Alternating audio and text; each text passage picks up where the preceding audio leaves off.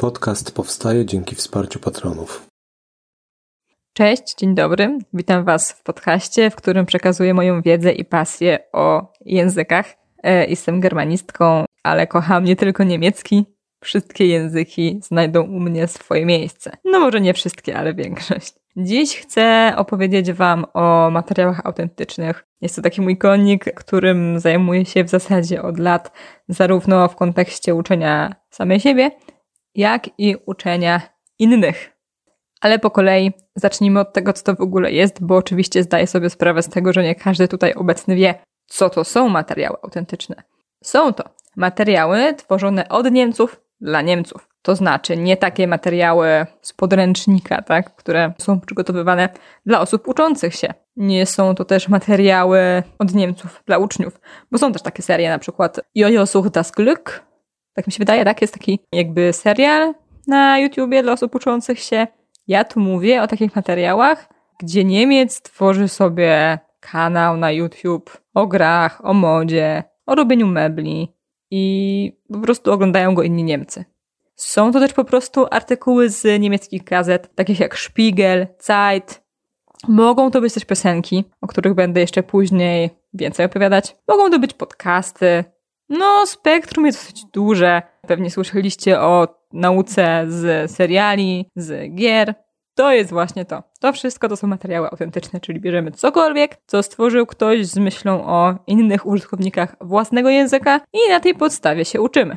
I teraz możecie zastanawiać się, po co to w ogóle komu? Po co takie materiały autentyczne? No więc materiały autentyczne pomagają uczyć się nam w sposób naturalny. Tak jakbyście sobie wyobrazili, że jesteście dzieckiem, no to dziecko ma kontakt właśnie ze wszystkim dookoła, no siłą rzeczy, tak? Gdy byliście mali, zapewne spotykaliście się z wieloma takimi sytuacjami, gdzie nie mogliście się porozumieć, gdzie nie rozumieliście może jakiegoś tematu, na przykład gdy rodzice oglądali wiadomości. To jest bardzo porównywalna sytuacja i pozwala nam uczyć się porównywalnie. Oczywiście my nie jesteśmy dziećmi, mamy już jakąś wiedzę o własnym języku, prawdopodobnie jakimś innym języku też, bo myślę, że większość z Was zna angielski albo jakiś inny język. I to tak naprawdę pomaga nam analizować niemiecki, hiszpański, to czego chcecie się uczyć. I jest to nauka naturalna, to oznacza, że po prostu przez otaczanie się tym językiem uczycie się trochę mimowolnie. I to jest spory problem w ogóle materiałów autentycznych, imersji, otaczania się językiem, jak zwał, tak zwał, bo po prostu nie widzimy, że się uczymy. I wydaje nam się, że nic nie robimy, a ta wiedza koduje się w naszym mózgu, że tak powiem, i przychodzi wtedy, gdy jej potrzebujemy. Działa to też dlatego w taki sposób, bo uczymy się wszystkiego w kontekście. Tak? Nie mamy tutaj żadnej listy słówek, nie mamy jakichś zagadnień gramatycznych wziętych z dolnego odcinka kręgosłupa. Po prostu uczymy się wszystkiego tak naturalnie, trochę o tym nie myśląc nagle wiemy, jak zrobić czas przeszły. To jest bardzo dziwne uczucie. Ja miałam to ostatnio w hiszpańskim, gdy nauczyłam się czasu przyszłego, nie przeszłego, z piosenek. po prostu słuchałam dużo piosenek i, i, jakoś tak naturalnie użyłam nagle czasu przyszłego. I okazało się, że użyłam go poprawnie. Tak, dziwne sytuacje. No ale dzięki takiej naturalnej nauce w kontekście mogą mieć rację bytu.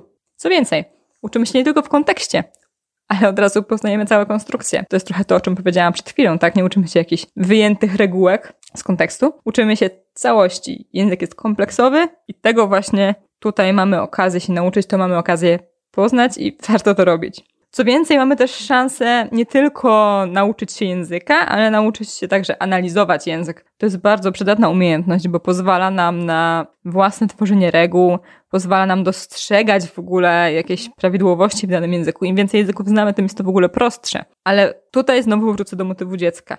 Fajnie jest dać sobie takie przyzwolenie na kombinowanie z tym językiem, na eksperymentowanie, na robienie błędów, tak jak robią dzieci, nie? Na dziecko nikt nie będzie krzyczał, bo robi, nie wiem, jakieś śmieszne konstrukcje. Nie, nie, nie. U dzieci to jest normalne. Więc pomyślcie, że wy jesteście takim małym Niemcem, albo Hiszpanem, albo Anglikiem, w zależności od tego, jakiego języka się uczycie. I róbcie błędy. Wymyślajcie głupoty. Próbujcie. Ale wracając do zasadności używania materiałów autentycznych, tak naprawdę główną ich zaletą jest to, że uczycie się prawdziwego języka. Bo muszę was rozczarować, ale niemiecki z podręcznika to jest nienaturalny niemiecki. Nikt normalny tak nie mówi, jak jest w podręczniku. Prosty przykład genitiv. Jeśli uczycie się niemieckiego, pewnie słyszeliście o przypadkach. przypadki w niemieckim są cztery, tylko niech w szkole nie mówi, no może ktoś już mówi, że genityw sobie wymiera. Tak naprawdę nie potrzebujecie go do komunikacji. Trochę przykro mi o tym mówić, bo genityw jest spoko, no ale tak to wygląda tak samo jak w języku polskim umiera wołacz. No ale wracając, uczycie się po prostu z takich materiałów prawdziwego języka, takiego bardzo potocznego, często z zapożyczeniami, może troszkę niechlujnego, ale zastanówcie się, czy mówicie w sposób idealny po polsku? Czy chcielibyście być takim typowym purystą, który chodzi i wytyka innym błędy? Mam poczucie, że tak się zachowują uczniowie z takiej typowej szkoły, nie? Po prostu chodzą i mówią, ej, tak się nie mówi. Na przykład musisz mówić iść haba, a nie iść hab. No okej, okay, ale Niemiec powiedzieć hab. No i trudno, no. Ja tutaj mam takie bardzo językoznawcze podejście, czyli po prostu obserwuję sobie język. Patrzę, okej, okay. ktoś mówi tak, ktoś inny mówi inaczej. Ciekawe, co będzie dalej. I to jest w porządku. Nie ma co walczyć na siłę. Ale dobra, bo w ogóle zeszłam z tematu. Dlaczego ten prawdziwy język jest taki istotny? Otóż po prostu, jeśli uczysz się z materiałów spreparowanych na potrzeby osób uczących się, to one są e, zwykle wolniejsze. Mają mniejszy zasób słów, nie mają e, jakichś sformułowań potocznych. Ale Niemcy mówią szybko. Niemcy mówią potocznie i tak, jak im się podoba.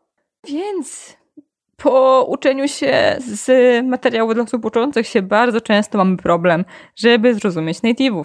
A po co uczyć się języka, jeśli nie po to, żeby rozumieć native'ów, móc się z nimi dogadać. Jeśli więc chcecie się dogadywać z Niemcami, to musicie słuchać Niemców tak, jak grają między sobą. No i fajnie, ja tak sobie tutaj teraz o tym wszystkim opowiadam. Ale jak to się w ogóle u mnie zaczęło, że, że korzystam z materiałów autentycznych? Bo nie zawsze tak było. Kiedyś myślałam, że trzeba kupować samouczki Edgarda i fiszki, wiadomo. I też tak uczyłam. Nie z samouczków, no z podręczników, bazowałam po prostu na podręcznikach, które miałam. Ale to się zmieniło w pewnym momencie.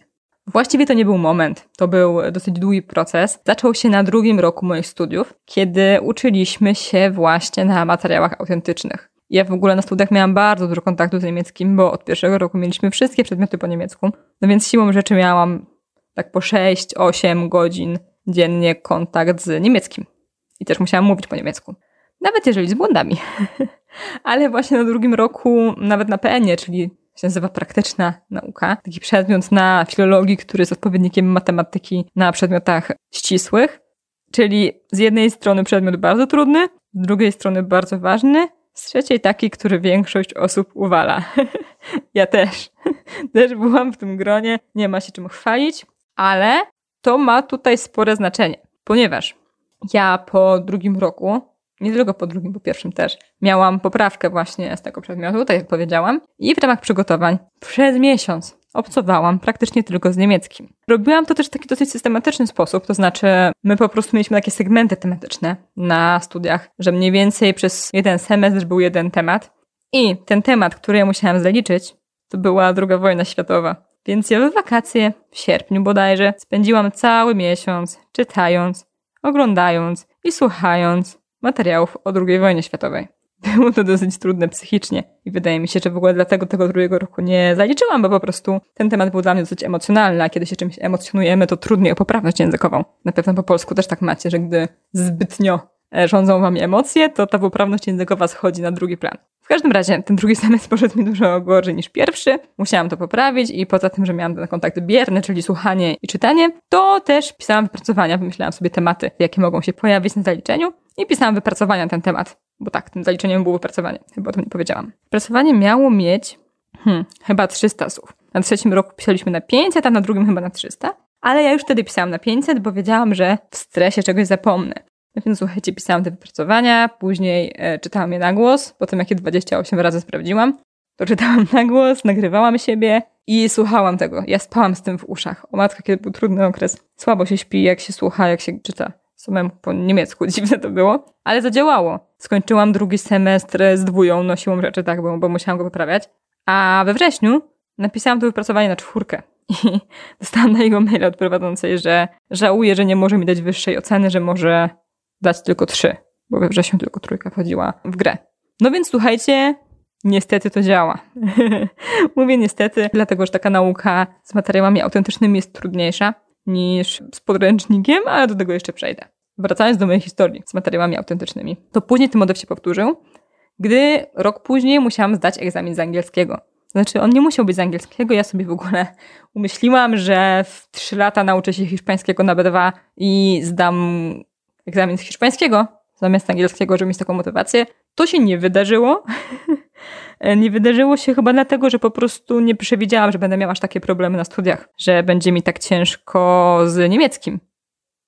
No bo wiecie, pisałam maturę rozszerzoną, ogarniałam język i później jak się dostałam na studia, okazało się, że chyba jest nie aż tak dobrze. Ale to jest historia na inny podcast. W każdym razie nie radziłam sobie tak dobrze, jak tego chciała, zarówno z niemieckiego, jak i z hiszpańskiego. No i stwierdziłam, że koniec końców będę zdawać angielski. Nie zdałam za pierwszym razem. To była w ogóle taka trochę dziwna sytuacja, bo w czasie słuchania zrobiło mi się słabo i musiałam wyjść z sali, a więc nie słyszałam połowy słuchania i zabrakło mi dosłownie, nie wiem, dwóch, trzech punktów, żeby zdać, no ale nic nie mogłam z tym zrobić.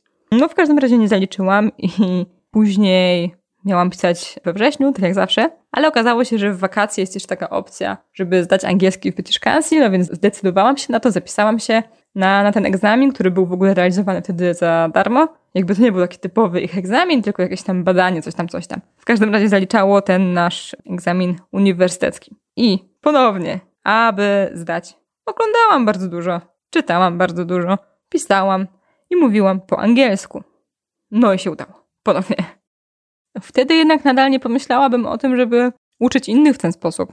No bo jak? Jednakże gdy już byłam na magisterce, trafiła mi się taka uczennica, która, to była moja pierwsza uczennica tego typu, która chciała się uczyć dla siebie. Nie było tak jak do tej pory, że uczniowie mieli po prostu jakiś problem w szkole i ja przychodziłam i miałam ich ratować, a oni w ogóle nie chcieli się uczyć niemieckiego. Nie, nie, nie. Ta dziewczyna była naprawdę zajawiona na niemiecki i chciała czegoś więcej. Wydaje mi się, że oni się przygotowywali w ogóle do egzaminu maturalnego podstawowego, a ja miałam przygotować na rozszerzenie. Nie pamiętam dokładnie, w każdym razie zaczęłyśmy robić tak, że ja wyszukiwałam materiały, zwykle na YouTubie, dotyczące tego, co ona akurat robiła w szkole. Do tego często jeszcze był jakiś artykuł, więc ona sobie sama czytała artykuł, później oglądałyśmy razem filmik na YouTubie, no i w ten sposób ją prowadziłam, nie wiem, z rok. I dziewczyna nie tylko świetnie zdała maturę, lepiej niż ja zdałam swoją rozszerzoną, ale też poszła na germę ostatecznie, chociaż nie miała takich planów. Więc chyba sukces. Ponownie. Też nauczycielka ją bardzo chwaliła, bo Julka robiła postępy bardzo, bardzo szybko. Dużo szybciej niż jej znajomi z klasy. No, po prostu nie dało się tego nie zauważyć. I to było dla mnie takie pierwsze potwierdzenie faktyczne, że, że ta metoda działa. I w zasadzie od tamtej pory zaczęłam coraz częściej używać materiałów autentycznych z uczniami. Teraz na lekcjach korzystam w zasadzie wyłącznie z materiałów autentycznych. Nawet jeżeli mam kogoś zupełnie od zera, to nie widzę potrzeby używania jakichś spreparowanych tekstów czy nagrań. Po prostu od razu się osłuchujemy, dzięki czemu nie powstaje bariera językowa. To jest bardzo istotne, bo hm, kiedy słuchacie jakichś takich bardzo powolnych nagrań z ograniczonym zasobem słów, no to później i tak w końcu traficie na ten prawdziwy język i pojawi się bariera. Więc najlepiej jest po prostu od razu osłuchiwać się z tym, jak to wygląda, tak, z tym rzeczywistym językiem. I wtedy, owszem, jest trudno, ale w sumie to tylko na początku. Ogólnie moje lekcje wyglądają e, tak, że oglądamy sobie jakiś materiał na YouTubie i po prostu później go omawiamy. Z jednej strony zadaję pytania wyłącznie otwarte do tego źródła, do tego materiału, które mają po prostu sprawić zrozumienie, tak? No nie ma tam jakichś takich, nie wiem, podchwytliwych pytań, czyli jeżeli ktoś mówi o jakichś procentach, to, to nie będzie tam pytania o procenty, nie rozumiem w ogóle takich, wiecie, typowych, podchwytliwych pytań z podręczników. Mamy badać zrozumienie, tak? To czy ktoś wie, o czym była mowa w, w materiale i potrafi to powtórzyć. No i to właśnie robimy. Omawiamy i powtarzamy. I później pytam też o jakieś własne przemyślenia, więc też pracujemy nad tą warstwą trudniejszą, gdzie trzeba opowiadać o sobie. To zawsze jest trochę trudniejsze. Wspominałam o tym, tak, bo ma to ładunek emocjonalny i, i wtedy łatwo się poplątać. No, ale tutaj nie chcę też gloryfikować jakoś tak wyłącznie tych, tych materiałów autentycznych, bo wiadomo, każda metoda ma jakieś swoje problemy i korzystanie z materiałów autentycznych także. No więc po pierwsze, takim sporym problemem jest to, że można trafić na materiał z błędami. Każdy robi błędy, tak? Niemcy czasem nie przestrzegają szyków, mylą przypadki. No, wiecie o co chodzi, Polacy też robią błędy i tutaj trochę trzeba na to uważać. To jest też kwestia do przemyślenia, jakiego języka chcemy się uczyć. Tak, czy w pełni poprawnego, czy może bardziej prawdziwego. Nie wiem. Znaczy, żeby nie było, są też Niemcy, którzy szyków przestrzegają pięknie I to jest większość, szyki są przestrzegane nawet w piosenkach niemieckich. No ale, hmm, tak jak mówię, sprawa do przemyślenia. E, mały disclaimer, szyki to są, to jest jakby miejsce czasownika w zdaniu. To, to, to mam na myśli, gdy mówię o szokach w niemieckim. To takie dosyć problematyczne zagadnienie, bo w polskim tego nie mamy. Ale okej. Okay. Przechodząc dalej, no problemem oczywiście jest też szukanie. Szukanie materiałów, które zajmuje miliony godzin. O matko. Ja wiem jak to jest, no bo przecież sama szukam materiałów na lekcje. I tak naprawdę jedna godzinna lekcja powstaje spokojnie godzinę bo materiał trzeba znaleźć, trzeba go opracować, wypisać z niego słownictwo, bo też słownictwo wypisuję. I to zajmuje dużo czasu. No jeżeli sam materiał trwa 10 minut, no to obejrzeć go dwa razy to już jest 20 minut. Do tego właśnie znaleźć coś ciekawego. Tak, tak. Spokojnie zbiera się godzinka albo i dłużej. A jeżeli nie wiecie, jak tego robić, no to zajmuje to jeszcze więcej czasu. Trochę pomocny jest moim zdaniem Instagram. Ostatnio testuję Instagram jako takie narzędzie do nauki i fajnie to działa, bo można sobie wpisać e, jakiś hashtag, na przykład Reisen albo Pflanzen, czy tam w języku, w jakim się uczycie, tak? Travel albo Wiechar. i po prostu szukać sobie materiałów pod tym hashtagiem. Można sobie obserwować różne profile, które wtedy same nam się wyświetlają na store i, i to jest bardzo fajne rozwiązanie, bo jak już tak samo wpada nam codziennie, atakuje nas ten język, którego się mamy uczyć, to w końcu usiądziemy do niego. W końcu coś z nim zrobimy. No ale hmm, czy jest to najlepsza metoda nauki? To znaczy, to jest takie minimum, powiedziałabym, tak? Które możemy sobie zapewnić w ten sposób. Taka może bardziej przypominajka, trigger, żeby w ogóle się tym językiem zajmować. Natomiast do takiej bardziej sensownej nauki, która po prostu da nam więcej albo da nam szybszy postęp, e, warto znaleźć sobie jakąś trochę dłuższą formę. Czy to będzie film na YouTubie, czy podcast, czy, czy artykuł z gazety. No to właśnie znalezienie tego trochę czasu zajmuje, ale wy nie musicie tego szukać, bo ja znalazłam za was. Przygotowuję autorskie narzędzie do nauki niemieckiego. Jest to codziennik, znajdziecie go na mojej stronie. Można wpisać woszcz.pl i, i tam się wyświetli. Tam będą wszystkie informacje. Mówiąc krótko, jest to plan nauki na cały miesiąc gdzie macie wyczukane materiały i ułożone do nich zadania oraz wypisane słownictwo. A więc są to tak jakby moje lekcje rozłożone w formie e-booka i zawierające także podcasty. To jest takie dosyć niesamowite. W sensie normalnie na lekcjach nie mogę korzystać z podcastów, no bo są za długie. A teraz, wracając do problemów, no to oczywiście problemem, szczególnie w niemieckim, są też dialekty i wady wymowy. To znaczy wady wymowy są w każdym języku, a dialekty w niemieckim są dosyć istotne, bo jest ich dużo. Spory jest materiałów właśnie z dialektami. Nawet mój ulubiony Easy Alex to nie jest czysty niemiecki, to jest taki trochę szwabski. To znaczy, no facet próbuje mówić w Hochdeutschu, ale słychać takie naleciałości. Nie ma tutaj żadnych problemów z, ze zrozumieniem go, w żadnym razie, ale po prostu słychać, że wymawia trochę inaczej. Jeśli chodzi o wadę wymowy, to to jest trochę problem, a trochę myślę wręcz zaleta. Dlatego, że no słuchajcie, Niemcy, z którymi będziecie gadać, też mogą mieć wady wymowy. Prędzej czy później traficie na taką osobę. Nie mówię, żeby słuchać takich osób na samym początku, ale później, gdy już rozumiecie większość tego, co, co słuchacie, to jak najbardziej. Ja miałam na studiach profesora, który był po operacji krtani i słuchajcie, on mówił tak, że my nie wiedzieliśmy, czy on mówi po polsku, czy po niemiecku. I mnie to bardzo irytowało. Wszystkich mnie to irytowało, że, że typ tak mówi wtedy jeszcze nie wiedziałam, że jest po tej operacji. Właśnie później inna profesorka o tym powiedziała. I gdy ja się dowiedziałam, że facet w takiej sytuacji ma dalej taką pasję i, i został, mimo że no już był takim, wiecie, trochę dinozaurem uczelnianym, w sensie mógłby dawno już iść na emeryturę, a mimo tego dalej uczy, to nabrałam do niego bardzo dużego szacunku i usiadłam blisko, żeby jak najwięcej rozumieć. I słuchajcie, nauczyłam się go rozumieć. Fun fact jest taki, że później po dwóch czy trzech latach odezwał się do mnie po polsku i totalnie nie umiałam z nim rozmawiać. Nie wiedziałam, co był po polsku, jakby nauczyłam się rozumieć go e, tylko po niemiecku. I wy też możecie. I słuchajcie, to ma taką zaletę, że jeżeli uczycie się od kogoś z wadą wymowy, no to później to już po prostu nie będzie dla was problemem. Oczywiście to nie może być jedyne źródło, ale zawsze fajnie jest mieć kontakt z takim nieidealnym niemieckim. Może sami macie w ogóle wadę wymowy. Ja kiedyś nie wymawiałam R i, i uczyłam się z tym niemieckiego. Teraz wiem, że to by nie był problem, ale wtedy przez nauczycieli, na których się natknęłam, był. No więc tak, warto. Warto mieć kontakt z takimi różnymi odmianami języka. Czy warto uczyć się dialektów? To jest już trochę wasza kwestia. Ja nie wchodzę w to, bo wydaje mi się, że to ma sens, jeżeli jakiś konkretny region nas interesuje. To wtedy faktycznie można się tego dialektu nauczyć. No, w Niemczech dialektów jest tak wiele, że wow, no to by było trudne, żeby się nauczyć wszystkich. Niemcy też się nie rozumieją, jak gadają w dialektach. Trzeba wtedy po prostu prosić o Hochdeutsch, nie ma w tym nic złego. Także nie przejmujcie się tym, tak? No może warto się trochę osłuchać na późniejszym etapie nauki, żeby po prostu nie paść, jak usłyszycie Bawarczyka, chociaż to chyba jest niemożliwe zawsze przy, przy pierwszym kontakcie z Bawarczykiem. No jest to jednak porażka, wydaje mi się, komunikacyjna. No to nic, to się zdarza. A Szwajcarzy to już w ogóle tak gadają, że Nie da się ich zrozumieć, dajcie spokój. To nie jest dialekt. To powinien być oddzielny język. Kolejny problem, słuchajcie, to jest to, że native może się okazać nie native'em. To znaczy, wy się dopiero uczycie i, i, nie zauważycie, że on nie mówi typowym niemieckim. Albo mówi ładnie, dobrze się wtapia i, i nie słychać tego, że, że nie jest to Niemiec. A potem się okazuje, że typ jest, nie wiem, z Rosji albo z Azerbejdżanu. Mówię tutaj o konkretnych przykładach, na które trafiłam. No i ma jakieś błędy. Takim częstym błędem obcokrajowców w niemieckim jest to, że ludzie używają wyłącznie rodzajnika D. Wydaje mi się, że to ma trochę związek z angielskim we, tak? To brzmi podobnie i po prostu chyba jest jakaś taka naleciałość z tego. Nie wiem. Także uważajcie na to. Jak zauważycie, że ktoś używa tylko D, to pewnie jest obcokrajowcem, trzeba to sprawdzić. W sensie, bo rodzajnik jest przypisany do słowa. Nie można ich sobie tak używać, jakich się chce, żeby było jasne.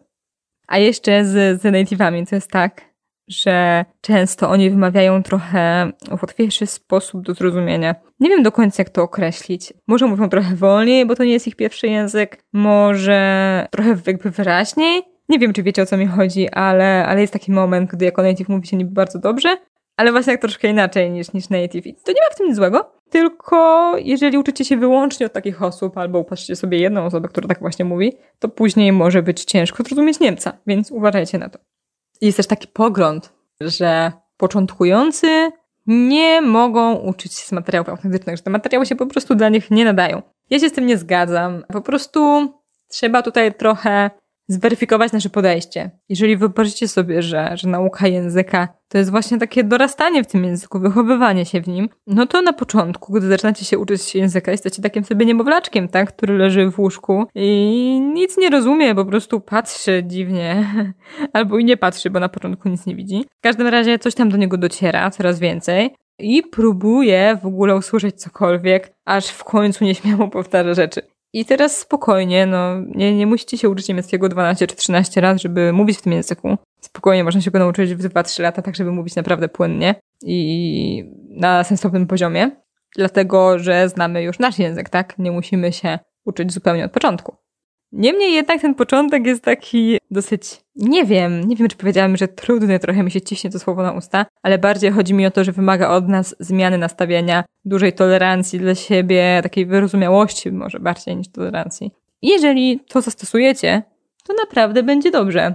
Ja z moją uczennicą, z którą robiłam właśnie materiały autentyczne od zupełnego zera, oglądałyśmy Królowa i jej zadaniem było wypisywanie słów tak, jak jej się wydaje, tych, które usłyszy. Później też domyślała się znaczeń, ponieważ po prostu bardzo dobrze zna królowa. Tak? To też jest jakaś metoda. I tutaj jakby chodziło tylko o takie osłuchanie się z językiem, nauczenie się tego, jak te słowa brzmią i odobcowienie go, że tak powiem. Czyli stracenie tego wrażenia, tego takiego niemiłego wrażenia, gdy ktoś mówi do was w jakimś języku, którego nie znacie, a wy się cali spinacie. To ja to nazywam odobcowienie. Tak czy inaczej nie przeczę, nauka z materiałów autentycznych jest trudniejsza niż nauka z podręcznika, ale czy to źle? Nie powiedziałabym. Po prostu, tak jak wspominałam wcześniej, materiały autentyczne dają nam większą swobodę w posługiwaniu się prawdziwym językiem. Więc, no tak, uczenie się języka z podręczników jest trochę jak pływanie w kole ratunkowym. Umiecie pływać w kole ratunkowym, ale jeżeli ktoś wam zabierze to koło, to czy dalej umiecie pływać? No raczej nie. I tak samo jest z tymi podręcznikami, tak? Czyli uczycie się podręcznikowego języka, często nie ćwiczycie mówienia, po czym jedziecie do Niemiec, zdejmuje się wam to koło ratunkowe w postaci korzystania z podręcznika i wypełniania jakichś śmiesznych ćwiczeń i nie potraficie się dogadać i po prostu, no to niecie, wasza komunikacja nie działa. Dlatego jest to trudniejsze, ale jest też bardziej praktyczne i koniec końców szybsze, bo nie uczycie się najpierw tony niepotrzebnych słów i zagadnień gramatycznych na pamięć, tylko od razu wypływacie na głęboką wodę. W sytuacji, gdy uczycie się z nauczycielem, na przykład ze mną, macie taką asystę, tak? Kogoś, kto nie pozwoli wam tam za bardzo się podtopić, tylko przepłyniecie sobie razem przez ten język i poznacie wszystkiego zakamarki.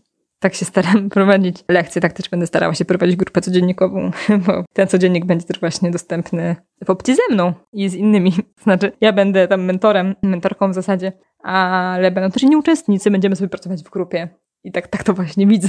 Jako takie płynięcie przez językowe meandry. O matko, wąż, jakie porównania tutaj cię wzięły. Jakoś w ogóle strasznie dzisiaj dzielę zdania, nie wiem o co mi chodzi. Także to nie jest kwestia jakiejś obróbki, po prostu tak sobie mówię, że robię przerwy. nie wiem czemu. Ale wracając. Mam jeszcze pytania patronów, ponieważ moją radosną twórczość można wspierać na Patronite i patroni właśnie mogą zadawać pytania do podcastu. A więc pytanie numer uno. Jak szukać materiałów autentycznych? No więc trochę się powtórzę, najlepiej nie szukać tak? Zaobserwować niemieckie kanały, konta na Instagramie, zrobić sobie playlisty, tak żeby nam się to po prostu narzucało. To jest najlepsza metoda, bo szukanie zajmuje strasznie dużo czasu. A kiedy powiemy algorytmom, szczególnie na Instagramie, bo YouTube nie działa tak dobrze, kiedy, kiedy powiemy Instagramowi, że interesujemy się tym językiem, chcemy oglądać treści w tym języku, to on nam je będzie podrzucał sam z siebie. To jest naprawdę świetne. Jestem zdziwiona, jak to dobrze działa, bo YouTube intensywnie wyświetla język po lokalizacji, czyli mimo, że zwykle oglądam YouTube'a po niemiecku, to on cały czas wyświetla mi treści po polsku. To jest niesamowite, naprawdę. Nie, nie rozumiem tego. Nadużywam słowa niesamowite. Jestem jak Neville. Jeśli jednak już musicie szukać albo chcecie, to najlepiej jest po prostu szukać jakichś zagadnień związanych z waszymi zainteresowaniami. Czyli wpisać sobie, czy w jakimś słowniku internetowym, niekoniecznie Google, to może być Pons, Grozbę. Wpisujecie sobie jakieś zagadnienie, które was interesuje, na przykład języki. I wychodzi wam, że to idioma, albo szprachy. No i sobie szukacie tego. Tak. Czasem trzeba też dopisać język, w sensie na YouTube'a to dobrze działa. Jeżeli dopiszecie Deutsch, Espanol, English, English jest po angielsku, to wtedy jest większa szansa, że pokażą wam się faktycznie treści w tym języku. Ja lubię w ogóle, polecam wam, to jest fajne, oglądanie tutoriali, jak robić rzeczy DIY. To jest fajne dlatego, że jest tam bardzo dużo przydatnych słów, są takie podstawowe przedmioty też bardzo często i wszystko jest pokazane, tak? Więc dosyć łatwo jest to prześledzić. A taki mały disclaimer. Ogólnie tak, no szukajcie tematów, które są związane z waszymi zainteresowaniami. Wtedy jest też duża szansa, że zasubskrybujecie taki kanał, zaobserwujecie profil na Instagramie i już macie coś na stałe do waszej bazy. Następnym razem nie trzeba szukać.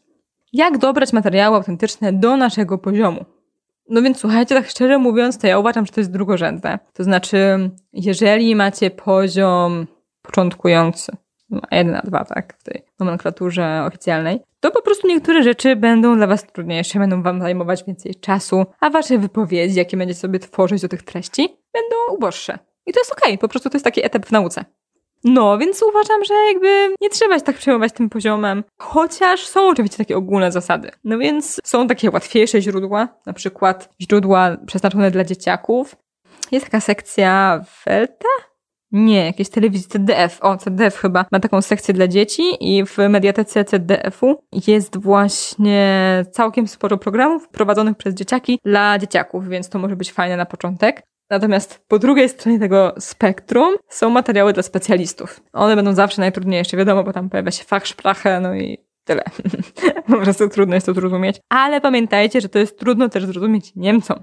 Tak? Jeżeli po polsku znajdziecie jakiś artykuł o psychologii albo jakiejś aplikacji pisany dla programistów, no to prawdopodobnie połowy nie zrozumiecie, więc tym się nie stresujcie. Podaję po prostu takie skrajne spektrum, czyli dzieci z jednej strony, z drugiej strony specjaliści. Po drodze są jeszcze, nie wiem czy nastolatkowie są aż tak prości, szczerze mówiąc, no bo oni mają swój slang ale są mniej wykształceni dorośli, są bardziej wykształceni dorośli. Jeżeli chodzi o artykuły z gazet, to mam odcinek na YouTubie. Być może zrobię też coś na, na bloga, że po prostu opiszę właśnie, jakie gazety, jaki poziom sobą reprezentują. W sensie, na jakim etapie są dla Was dobre. Natomiast na początek uważam, że zawsze fajne są piosenki. Piosenki są super, bo są krótkie, mają często łatwe słownictwo i naturalne jest to, że je powtarzamy. Ostatnio sobie ukułam takie stwierdzenie, że piosenki są mikroświatem językowym, bo wiecie, macie tam pewien zasób słów, który jest bardzo, bardzo istotny, konstrukcje gramatyczne, które są takie najczęściej w sumie występujące i to wam wystarczy. Uważam, że piosenki zawierają w sobie wszystko, czego potrzebujecie na początku.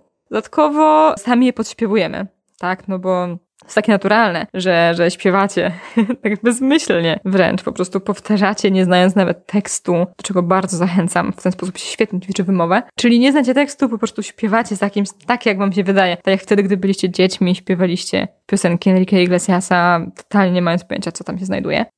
A do tego piosenki mają tę zaletę, że zupełnie naturalnym jest, że słuchacie ich w kółko i w ogóle nie ma z tym żadnego problemu, że, że robicie to po raz któryś można słuchać w kółko ponownie i jeszcze raz i za każdym razem odkrywać coś nowego. Więc spróbujcie, szczególnie jeśli dopiero zaczynacie. Ale wracając do naszego podziału na poziomy, to znaczenie ma też temat konkretnego materiału. Takimi łatwymi tematami są na przykład podróże albo szkoła, Natomiast trudnymi tematami jest technologia, o której już wspomniałam, albo też psychologia. Tak więc, krzyżując to, materiały o podróżach dla dzieci będą najłatwiejsze, a materiały dla specjalistów o psychologii najtrudniejsze. Oczywiście jest jeszcze spektrum pomiędzy. Może przygotuję dla patronów taką tabelkę, żeby im to ułatwić, ale właśnie mam nadzieję, że jakoś dało Wam to wskazówkę, czego, czego szukać.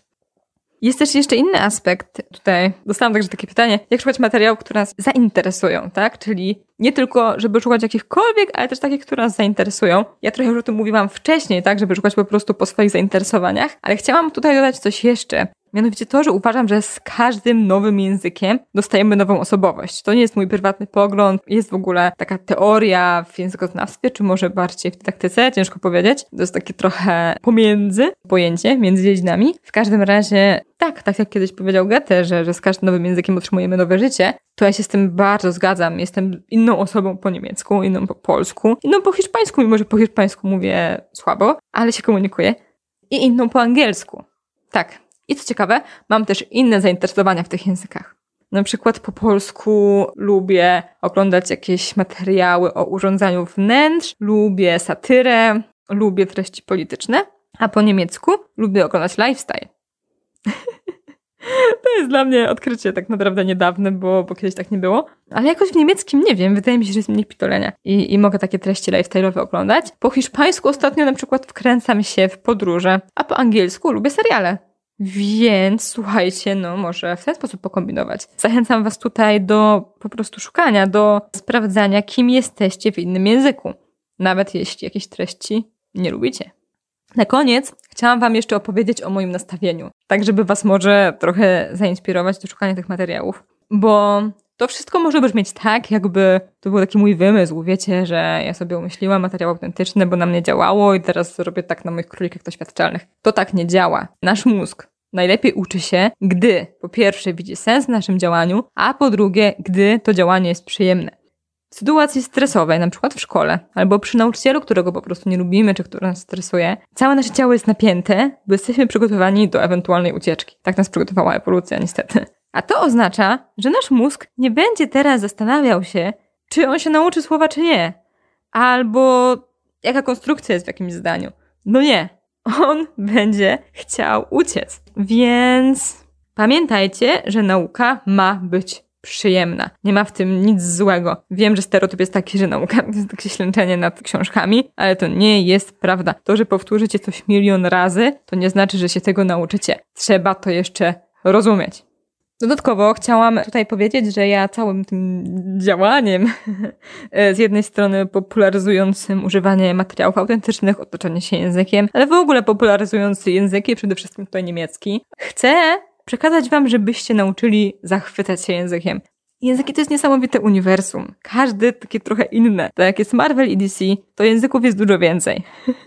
E, chodzi mi o to, że zobaczcie, każdy język ma nie tylko swoje słownictwo, swoją gramatykę, ma wymowę, ma dialekty, ma kulturę, która jest nierozerwalna od tej warstwy językowej. To jest coś niesamowitego. I tylko znając język jakiegoś kraju, jesteśmy w stanie faktycznie zrozumieć jego kulturę, zrozumieć mieszkańców, jakieś przemiany polityczne. Język ma tutaj olbrzymie znaczenie. I to nie jest łatwe, żeby dojść do tego etapu, kiedy jesteście w stanie analizować kulturę przez język. Oczywiście, że nie. Na początku nauka dużo bardziej przypomina mem z Leonardo DiCaprio, który jara się, że coś zrozumiał. Mam na myśli ten mem, na którym on siedzi na fotelu i dostrzega coś na telewizorze i wskazuje palcem. Totalnie o to nastawienie walczymy, tak? Czyli obserwujecie sobie coś, szczególnie na początku. Patrzycie, o, chyba wiem, co znaczy to słowo! I sprawdzacie. I to jest to o takie mikrozachwyty właśnie yy, chciałabym, do takich mikrozachwytów chciałabym Was przekonać. Warto.